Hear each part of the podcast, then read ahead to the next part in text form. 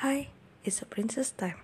Suatu kebanggaan muncul ketika melihat orang sekitar sudah memahami dan peduli akan kesehatan mereka. Apalagi ketika membahas tentang kesehatan mental. Sudah banyak bertebaran konten-konten bahkan aplikasi-aplikasi yang menawarkan dan menyajikan sajian terkait tentang kesehatan mental. Di mana dulu sangat miris sekali ya, bahkan sebuah hal tabu untuk dibicarakan Bukti dulu kita tidak peduli dengan kesehatan mental adalah bullying verbal dan nonverbal di mana-mana. Bahkan memang sampai sekarang, stres kerja, tosik di mana-mana, membandingkan satu dengan yang lain, dan yang lebih sedihnya, membandingkan diri sendiri dengan orang lain sampai pada akhirnya memilih jalan untuk mengakhiri hidup.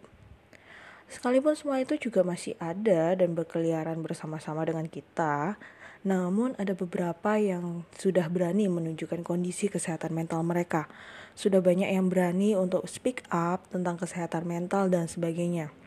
Aku ingat banget dulu ketika aku memilih untuk kuliah S1 psikologi.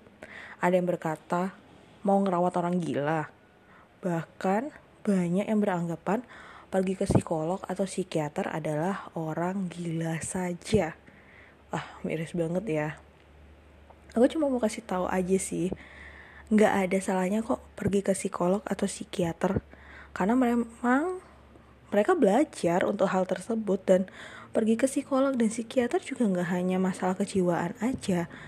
Kalau kalian ingin mengetahui bakat dan minat kalian, ingin mengetahui potensi kalian, ingin mengetahui perasaan kalian, ke mereka aja. Karena mereka memang ahli di bidang itu dan mereka juga belajar di bidang itu dan psikolog dan psikiater bukan untuk orang gila saja. Oke, selamat hari kesehatan mental sedunia ya.